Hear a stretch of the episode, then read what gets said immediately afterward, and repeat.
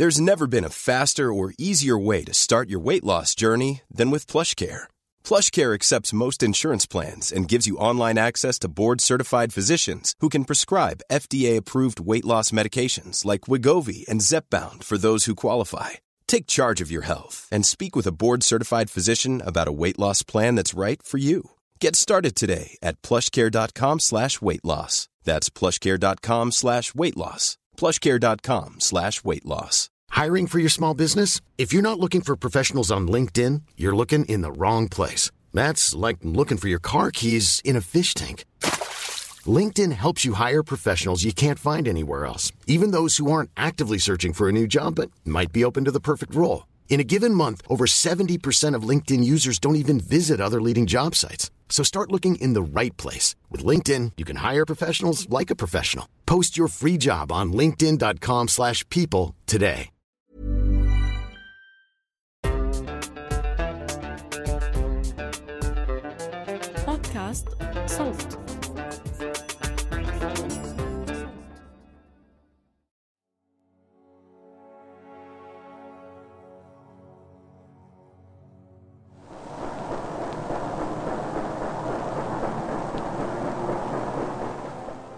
يوم 26 ديسمبر سنة 2021 كتنشر صحيفة الجارديان البريطانية موضوع إخباري بعنوان زعيم المعارضة المغربية المهدي بن بركة كان جاسوسا حسب ملفات الحرب الباردة كينتشر الخبر مثل النار في اليابسة في كل وسائل الإعلام المختلفة وفي ظرف ساعات بدأت التقارير كتذاع والأخبار بالعربية كتنتشر السياسي اليساري المغربي اللي قضية اختفائه. كتشكل لغز كبير شغل كثير من الناس في المغرب وفي المنطقة العربية والعالم.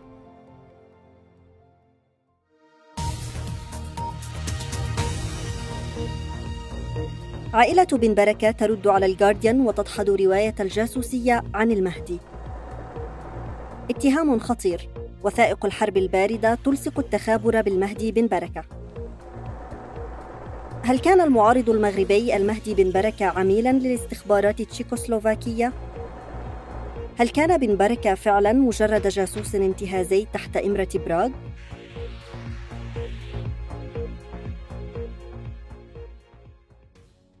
ماذا حدث للمهدي بن بركة قبل ستين سنة؟ سؤال ما زال مفتوح اختفى ولا تقتل؟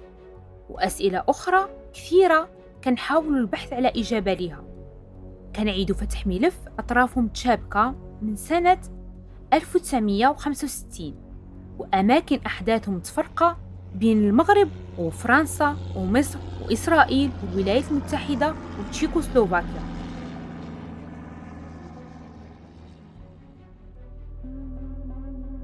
أهلا بكم في موسم جديد من بودكاست أحراز موسم سنوات الجمر والرصاص وأنا ميساء أجسناي.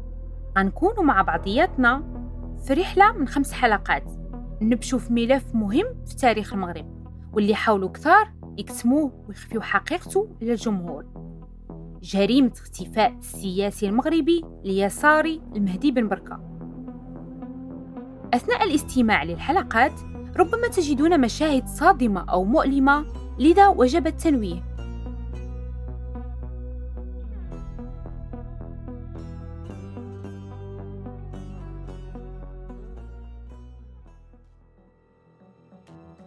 الباحث يان كورا أستاذ المشارك في جامعة تشارلز بالعاصمة التشيكية براغ هو اللي رجع فتح قضية بن بركة ورجعها للسطح بواحد البحث نشرات جريدة الجارديان أجزاء منه.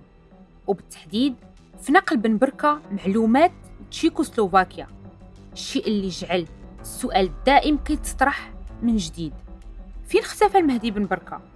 وهل ممكن يكون اختفاؤه سببه هو التخابر مع تشيكوسلوفاكيا؟ رحلتنا كتبدأ مع شخصيات سياسية كثيرة. منها شخصيات رحلات على العالم ديالنا. وغنرجعوا صوتها للحياة من خلال مذكراتها. وشخصيات كانت على معرفة بن بركة بشكل مباشر.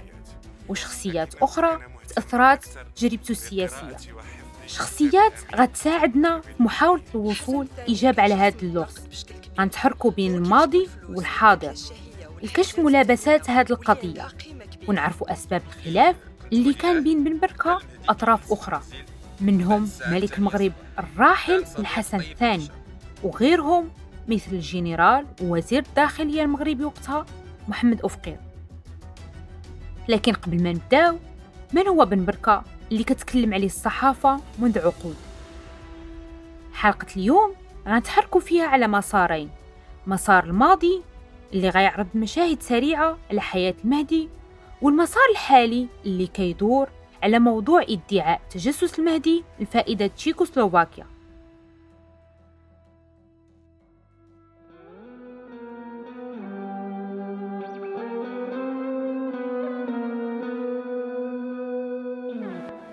شهادة الكرة أنا قلت لك. جيت الصباح بكري عبد الرحمن. جيت الليلة قلت لك. في يوم من أيام يناير من عام 1920 وبالضبط دار بسيطة من ديور حي سيدي فاتح في العاصمة الرباط تولد طفل أسرة أحمد بن بركة. الطفل اللي سموه المهدي ترتيبه الثالث بين سبعة إخوة. بعد تقريبا 45 سنة من لحظة مولد المهدي وفي سنة 1965 كيختفي وكتصير سيرته محل تحقيق. والأخبار انتشرت حول مصير جثته اللي غير معروف مكانها لحد اليوم.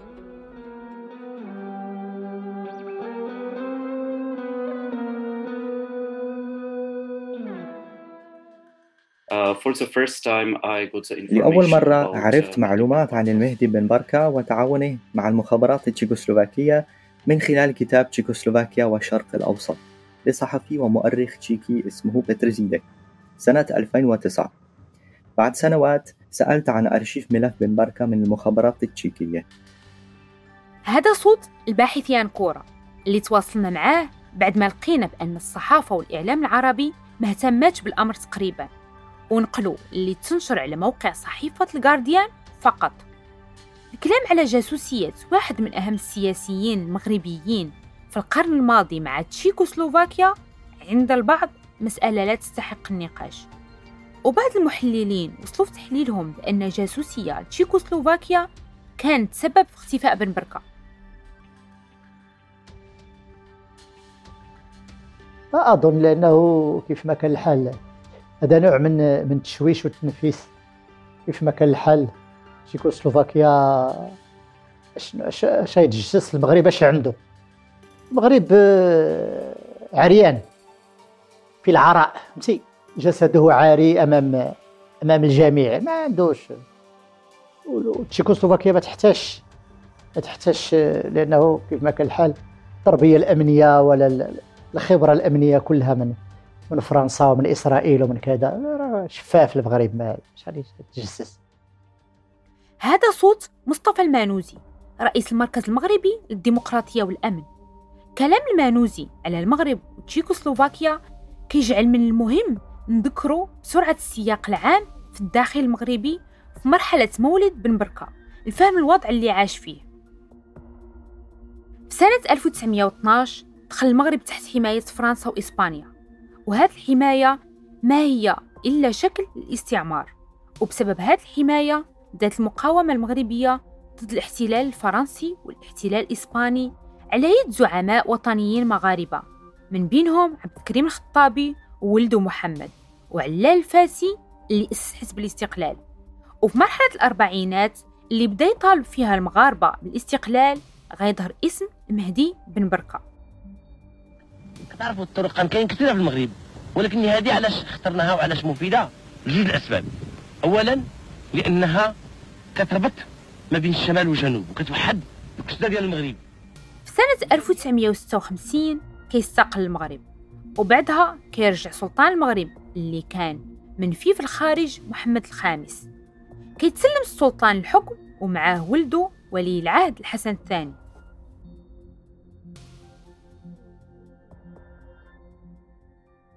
نرجعوا للسردية اللي كترفض تجسس بن بركة لصالح تشيكوسلوفاكيا.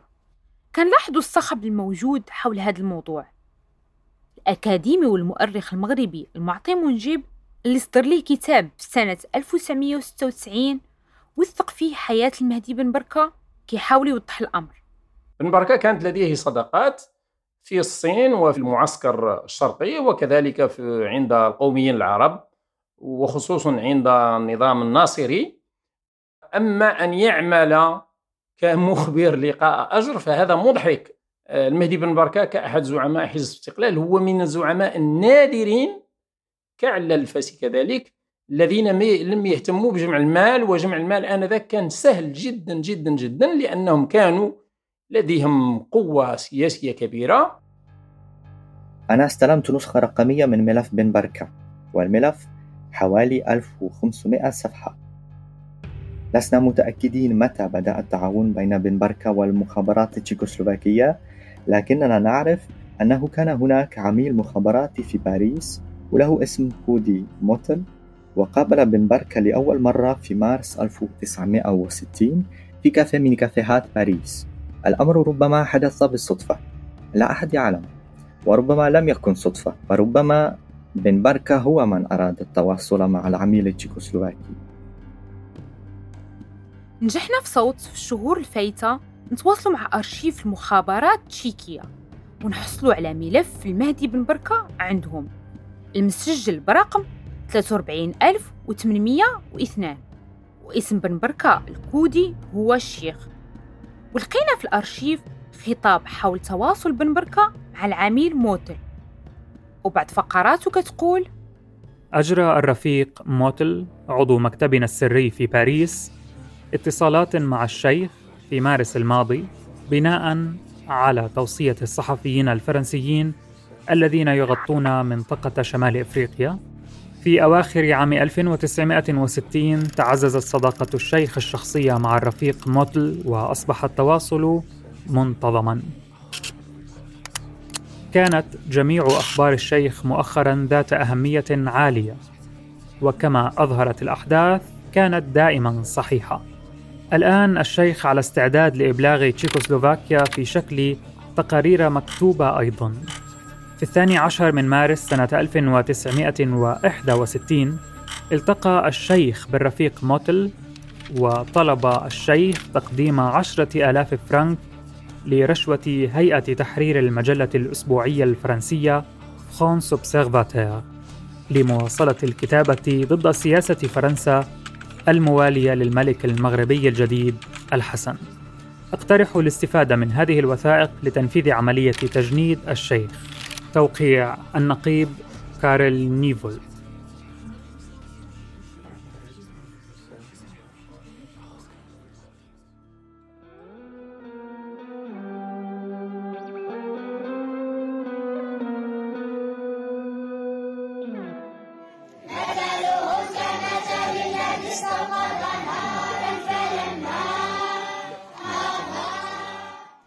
سنة 1934 كيلاحظ أحمد بن بركة قدرة والده المهدي كبيرة على حفظ القرآن وهو في عمره أربع سنين وبعدها بسنوات قليلة بدأ المهدي كيتعلم النحو ولكن المهدي لم يكتفي بهذا التعليم المحدود. كانت رغبته في دخول المدرسة قوية وبالتحديد المدرسة الفرنسية حين كان عمره تسع سنين حاول المهدي يدخل المدرسة الفرنسية وكان كيمشي يوميا يوقف باب القسم. ولكن المدرسة كانت كتقبل الطلبة بشروط معينة. في واحد النهار كينتبه واحد المسؤول لهذا الطفل المتمني. كيعجبو إصراره وكيدخلو لواحد من الأقسام. وفي عام واحد كيجلس المهدي في الصف الأول وكيتكلم الفرنسية اللي عمره عرفها من قبل. Une baguette. Et à quoi va me servir la baguette? À désigner des choses sur le tableau.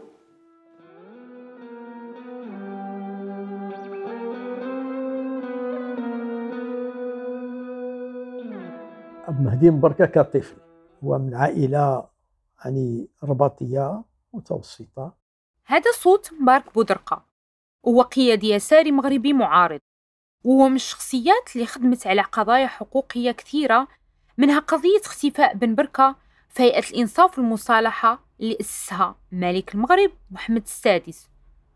وهي هيئة حقوقية أعادت فتح ملفات الانتهاكات في المغرب في مرحلة الحسن الثاني. كيطلب من العائلات اللي بغاو يقريو ولادهم يدخلوا غير واحد يدخلوا لجوج فكان عنده شي خو كبير هو إبراهيم أعتقد هو اللي كان دخل هو ما ما يمشي. بقى كيمشي كيجلس تحت الشرجم كيسمع المسائل اللي كدار. هذاك المدير شاف قال له الأستاذ دخلوا حطوا في اللور ديال سميتو. ساعة ملي دوزوا الامتحان كان كيجي هو الأول وهكذا. يعني كان متقدم عنده واحد الذكاء خارق وعنده واحد الذاكرة قوية. وبالتالي يعني خدا دائما كيجي الأول كان بارع أيضا فيما يخص الرياضيات. العلاقات بين المغرب وتشيكوسلوفاكيا مرتبطة في وقتها بشكل السياسة الدولية في الشرق الأوسط خاصة مع محاولة المغرب الاستقلال عن الحماية الفرنسية حتى منتصف الخمسينات من القرن الماضي. العلاقة التجارية بين الرباط وبراغ كانت جيدة لكن في نفس المرحلة وهي مرحلة الحرب الباردة اللي كان فيها التجسس هو ميزة المرحلة كيتم القبض على عميل تشيكوسلوفاكي في المغرب. كان كيحاول يجند عميل مخابراتي مغربي. رغم أن هذا الحدث سبب تضرر العلاقات الدبلوماسية لكن العلاقات الاقتصادية ما تأثراتش وبقات مستمرة لدرجة أن ولي العهد الحسن الثاني في ذاك الوقت كان وزيرا للدفاع. شرى أسلحة من تشيكوسلوفاكيا يدعم بها الجيش المغربي وبقى الدعم استمر من الاتحاد السوفيتي وتشيكوسلوفاكيا في سنة 1961 وسنة 1962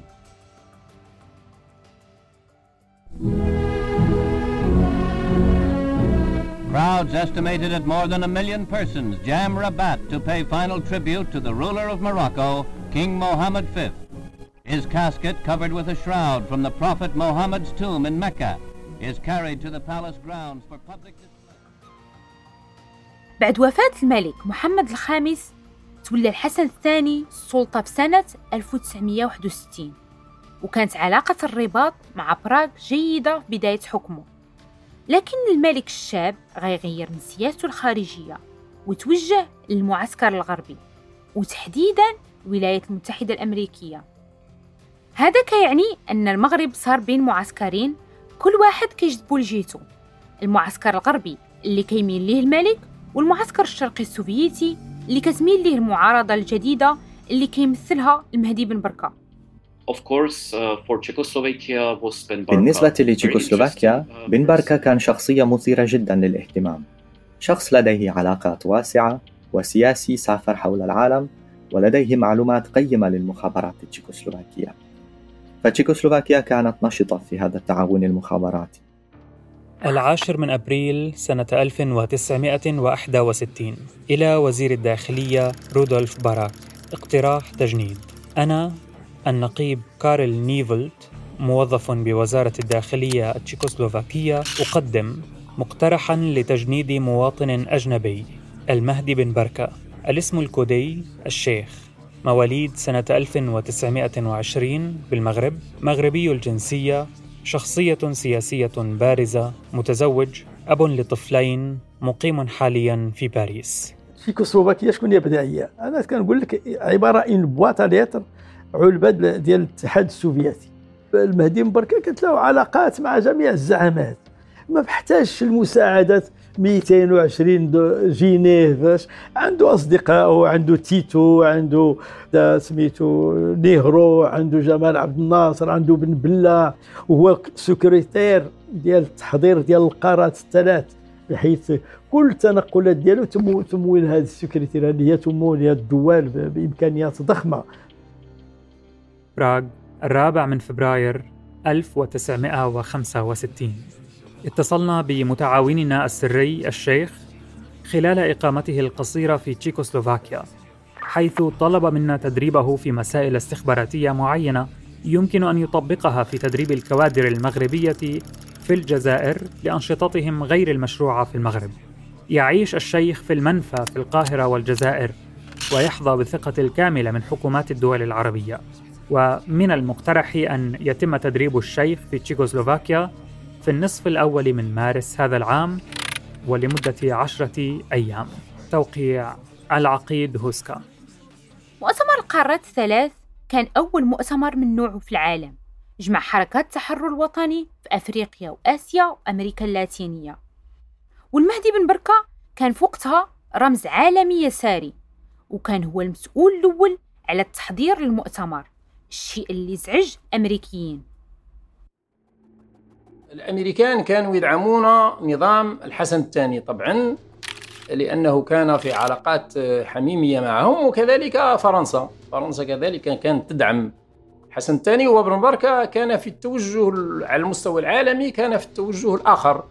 هو الدول التقدمية للعالم الثالث والتي كانت تحاول أن تخلق ديناميكية تجمع آه، كل القارات الثلاث أي قارات الجنوب يعني آسيا وأمريكا اللاتينية وإفريقيا ضد الاستعمار والاستعمار الجديد. الشيخ لديه علاقة صادقة معنا آه، كذلك مع تشيكوسلوفاكيا بشكل عام. بالإضافة إلى استعداده لنقل الأخبار المهمة ففي المقام الأول هناك معلومة أفاد بها الشيخ عن محاولة تجنيده من قبل أمين السفارة الأمريكية في باريس. كما أفاد بأن شقته تم تفتيشها عدة مرات من قبل الفرنسيين والسويسريين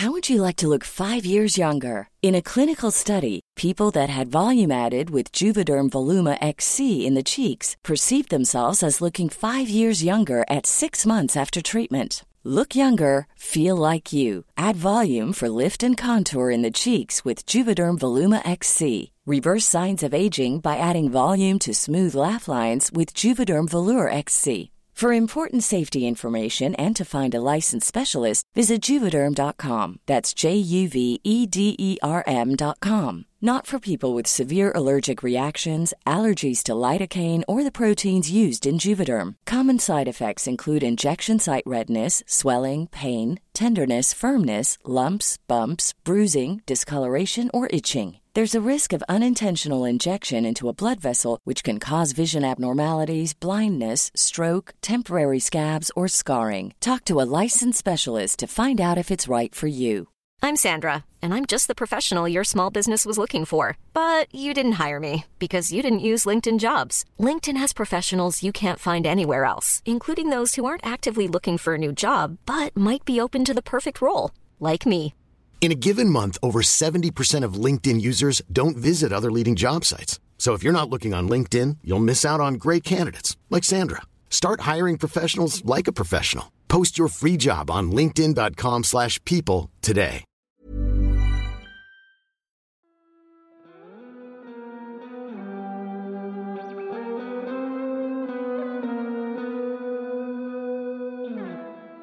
كيركز بن بركة في مراهقته على التعليم فقط. ولكن هذا الأمر ما كانش ممكن يبعدوا على الاهتمام بالسياسة العالمية والإعجاب بشخصيات سياسية مثل مصطفى كمال أتاتورك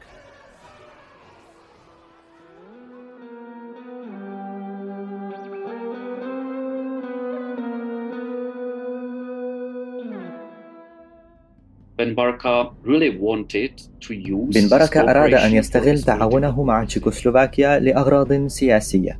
مثلا طلب مالا ليشتري سلاحا ليطيح بالملك في المغرب. وطلب المال مرتين لدعم حركته السياسية ومؤيديه. ولما رحل بن بركة عن المغرب هو ومؤيدوه طلب من تشيكوسلوفاكيا دعم مؤيديه في الجزائر. أظن أن العلاقة بين الطرفين كانت مربحة. ولا يمكن أن أقول إن أحد الطرفين كان أقل نشاطا من الآخر. التعاون كان فاعلا جدا. من التاسع من مارس إلى السادس عشر من مارس سنة 1965 تم تدريب الشيخ في شقة في شارع كليمنسكا رقم ثمانية. كان برنامج الدورة التدريبية كما يلي. الثلاثاء التاسع من مارس. في الصباح تم تعليم التجسس بمشاركة الرفيق كروبا. والرفيق بافيلكا. الأربعاء العاشر من مارس مطالعة المواد المتعلقة بالاتصال السري. الخميس الحادي عشر من مارس مناقشة طريقة الاتصال وطريقة كتابة التقارير.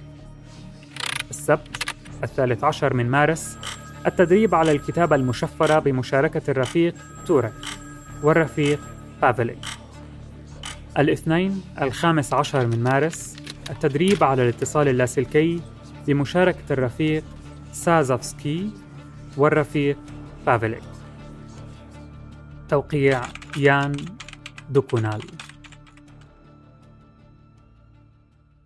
أن يقال بأن بن بركة كان يقدم معلومات لدول أجنبية على أساس يعني خصوصا أني رأيت هذا الباحث تشيكوسلوفاكي ماذا قال وعن يعني الأرقام التي تحدث عنها يعني العمولات التي كان هي مضحكة جدا. لا يتجاوز ذلك يعني 1000 أو 1500 دولار آنذاك. إذن لا شيء. بن بركة كان ليل نهار في الطائرة وقد اقترح عليه متن بن بلة أن لأنه كان صديق له وكان لديه نفس الاتجاه السياسي أن يؤمن له أجرة تعادل أجرة وزير الخارجية بالجزائر أحمد بن بلة هو واحد من زعماء التحرير الوطني في الجزائر وهو أول رئيس للبلاد بعد الاستقلال Yes, yes, yes. It's mentioned uh, in the file. ذكر في ملف uh, ابن بركة ما نسميه الجزء المالي. بالمناسبة الملف فيه أجزاء مختلفة وكل ملفات المخابرات مقسمة بنفس الطريقة. فهناك تقسيم واضح. أما ما وجد في الجزء المالي داخل الملف فهو المبالغ التي تسلمها بن بركة وبعملات مختلفة مثل الفرنك الفرنسي والجنيه الاسترليني والجنيه المصري. والمبالغ التي دفعتها المخابرات التشيكوسلوفاكية مذكورة بالضبط في الملف. يان كورا كيذكر في بحثه بأن بن بركة اتفق ياخذ مكافأة مالية من تشيكوسلوفاكيا مقدارها 1500 جنيه استرليني في العام. بشرط يقدم معلومات المخابرات ويتواصل شهريا معاهم. قيمة 1500 جنيه استرليني في الستينات كتساوي اليوم 30 ألف جنيه استرليني.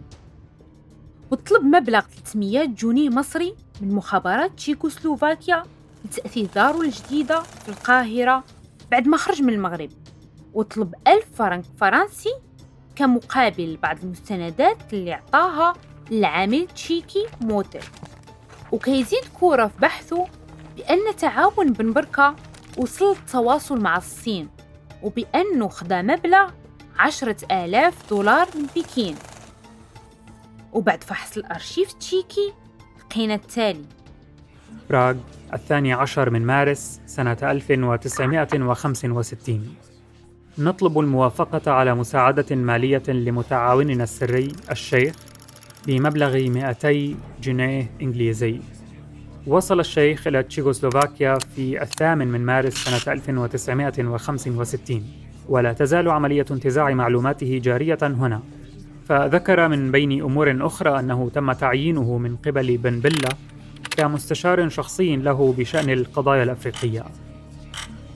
تم إلغاء المكافأة المالية المنتظمة للشيخ أي 1500 جنيه استرليني سنويا ويتم الآن دفع المكافأة للشيخ فقط مقابل التقارير التي يقدمها. وتهدف المساعدة المالية المقترحة إلى إبقاء الشيخ مرتبطا بنا ومساعدته في وضعه المادي الشخصي كونه يعول أسرته التي تعيش منفصلة في القاهرة. المقدم يانوش.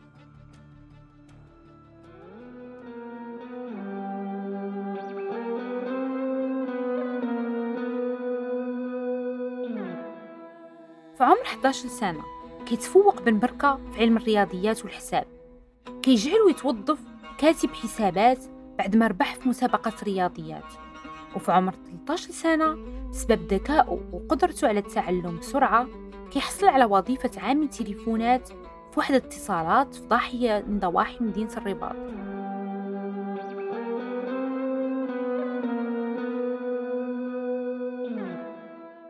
يحكي السي عبد الرحمن اليوسفي لما كانوا يدرسون في ثانوية مولاي يوسف.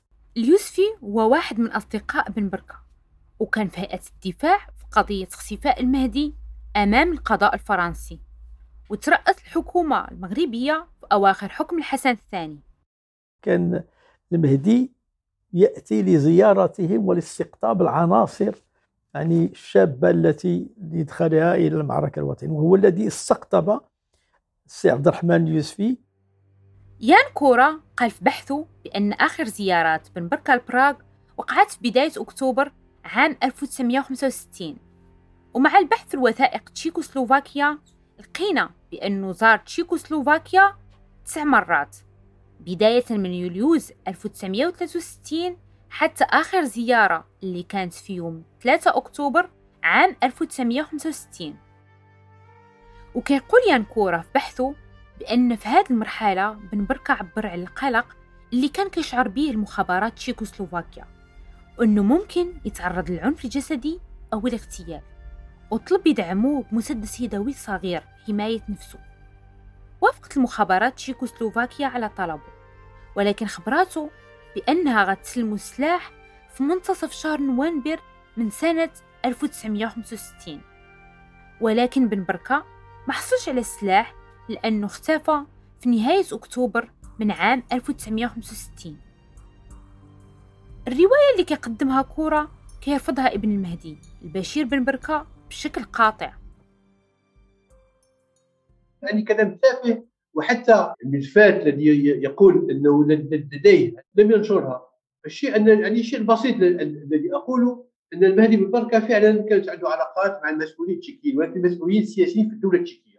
يعني الباحثين أو الذين عاشوا سنوات الستينات والسبعينات سنوات النضال التحرري سنوات التضامن بين الشعوب يعلمون أن المساعدة السياسية والمالية والعسكرية التي كانت تزود للحركات التحررية في العالم الثالث الذي كانت تجيء من الاتحاد السوفيتي والبلدان وعسكر اشتراكي كانت تمر عن طريق تشيكوسلوفاكيا هذا كان المهدي يسافر كثيرا وفي سفرياته كان يمر كثيرا عن طريق براغ. وفي كل سفرياته لبراغ كان كان عنده مقابلات مع المسؤولين السياسيين التشيكيين ليس المسؤولين في المخابرات التشيكية. لهذا كان رأي المهدي مركب مهم بالنسبة للتشيكيين.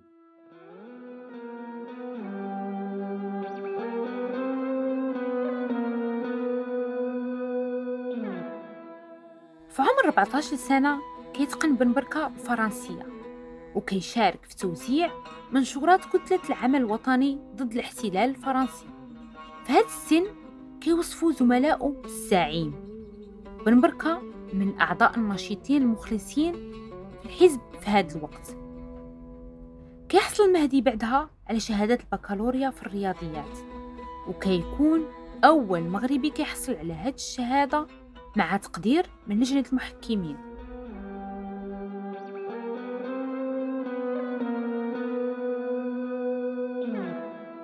لما خدا البكالوريا ديالو جا هو الأول طبعا كانت عنده منحه باش يكمل الدراسة ديالو في فرنسا. ولكن كانت ديك الساعة الحرب العالمية الثانية. ما قدرش يمشي لفرنسا مشى انهى دراسته في الجزائر وحصل على ليسونس في الرياضيات وفي سن 23 سنة وعاد إلى المغرب. It's my theory and it's what I think لدي نظرية. فما أتيت به جديدا في قضية بن بركة أن اختفاءه كان له جذور أو أسباب مرتبطة بالتعاون مع المخابرات التشيكوسلوفاكية. المغاربة وفق المصادر التشيكوسلوفاكية حصلوا على معلومات أن بن بركة يحضر لانقلاب في المغرب. وانتشرت بعض شائعات داخل الحكومة المغربية أن تشيكوسلوفاكيا ستدعم بن بركة للإطاحة بالملك لكن هذا ليس صحيحا. فتشيكوسلوفاكيا رفضت دعم بن بركة بالسلاح أو المال لهذه الأغراض. وحصلت المخابرات المغربية على هذه المعلومات من داخل دوائر الحكومة الأمريكية. لذا أعتقد أن هذا الأمر أدى للقرار النهائي للتخلص من بن بركة لأنه يمثل خطرا على الملك. إذا كانت الأرشيف التشيكي سيساعدنا لوصول الحقيقة أهلا وسهلا. أو يعني إذا كان الموضوع فقط وسيله أيضا للتشويش أو الإيذاء هذا هذا يعني لا يهمنا. أرشيف المخابرات التشيكية ما كيركزش على علاقة المهدي بتشيكوسلوفاكيا فقط ولكن كيشير للدور المغربي والفرنسي والأمريكي في التأثير على قضية بن بركة. وفي الحلقات الجاية نشارك معاكم أجزاء منه.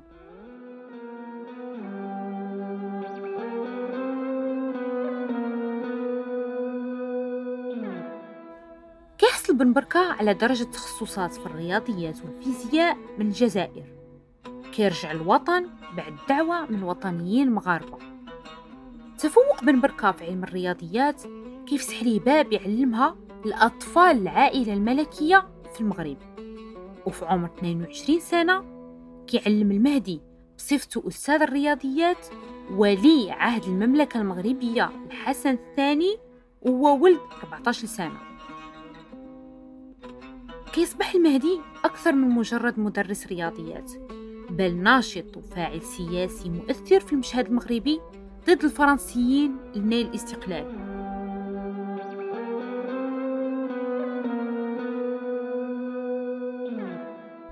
ملي كنت ولي العهد كان المهدي كيجلس في المنزل.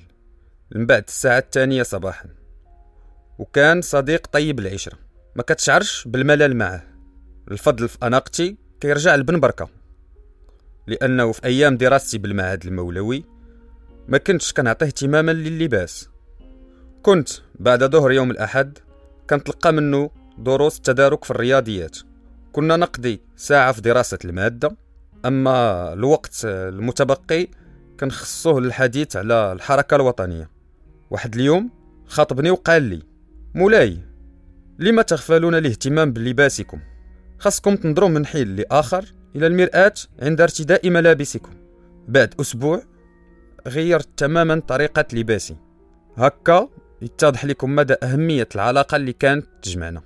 هذا الاقتباس من مذكرات الملك الحسن الثاني وكنستدعيو صوت الملك الراحل أكثر من مرة في الحلقات لفهم طبيعة العلاقة بين الرجلين اللي تحولات في لحظة من صداقة مقربة لخلاف وربما نقول عداء سياسي.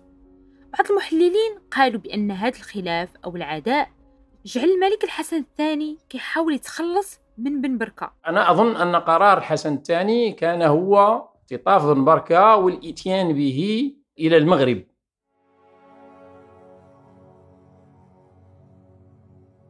نظرية يانكورا بأن بن بركة تعاون مع استخبارات تشيكوسلوفاكيا يمكن يكون سبب في اغتياله. كتفتح باب واسع للعديد من الاحتمالات. الاحتمال الأول هو شعور السلطات المغربية اتساع علاقات بن بركة مع المعسكر السوفيتي وتهديد العرش الملكي.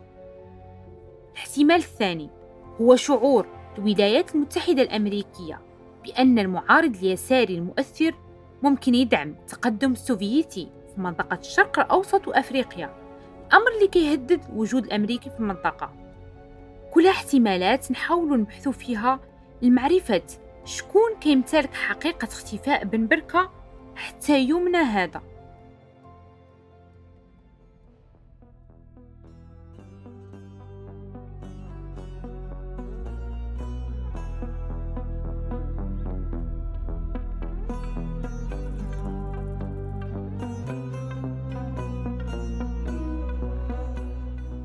انتظرونا في الحلقة القادمة اللي غتشهد مواجهة بين صديقين وخصمين سياسيين في نفس الوقت.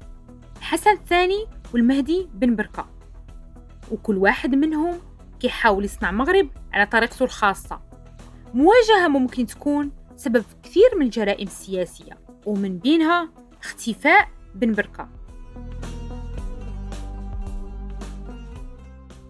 كنت معكم من تقديم ميساء الجزناي من الكتابة والإنتاج أحمد إيمان زكريا وشارك في تحضير المقابلات وإنجازها ياسر مختوم ترجم وثائق تشيكوسلوفاكيا بيتر فيلتشر من التحرير تالا العيسى وتالا حلاوة تدقيق المعلومات حنين صالح من الإخراج الصوتي حسام علي فريق التسويق والنشر غسان يونس بيان حبيب عمر خطاب محمد ياسر. يمكن لكم الاستماع لجميع حلقات الموسم. دفعة واحدة إذا اشتركتوا على صوت بلاس. بودكاست أحراز من إنتاج صوت